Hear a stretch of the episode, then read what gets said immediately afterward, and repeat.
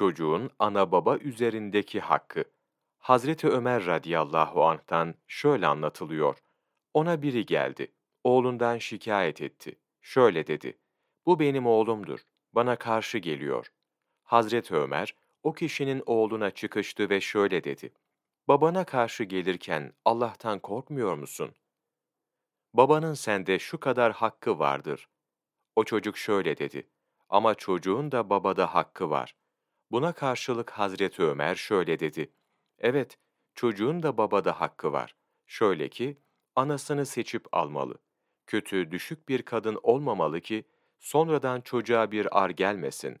Sonra çocuğa güzel bir isim bulup koymalı ve ona Kur'an okumayı belletmeli. Bunu duyan çocuk, yemin ederek şöyle dedi. Vallahi bu benim anamı seçmedi. Anam Sintli bir kadınmış. Onu 400 dirheme satın almış. Adımı da güzel bir isim koymamış. Erkek yarasa demeye gelen bir isim koymuştur. Allahu Teala'nın ayetlerinden bir ayet bile bana belletmedi. Bunları dinleyen Hazreti Ömer radıyallahu an o babaya döndü ve şöyle dedi. Çocuğun sana karşı geldiğini söylüyorsun. Ancak sen daha önce onun hakkını vermemişsin. Yanımdan çık git. Şabi rahmetullahi aleyh, Resulullah'tan sallallahu aleyhi ve sellem şöyle anlattı.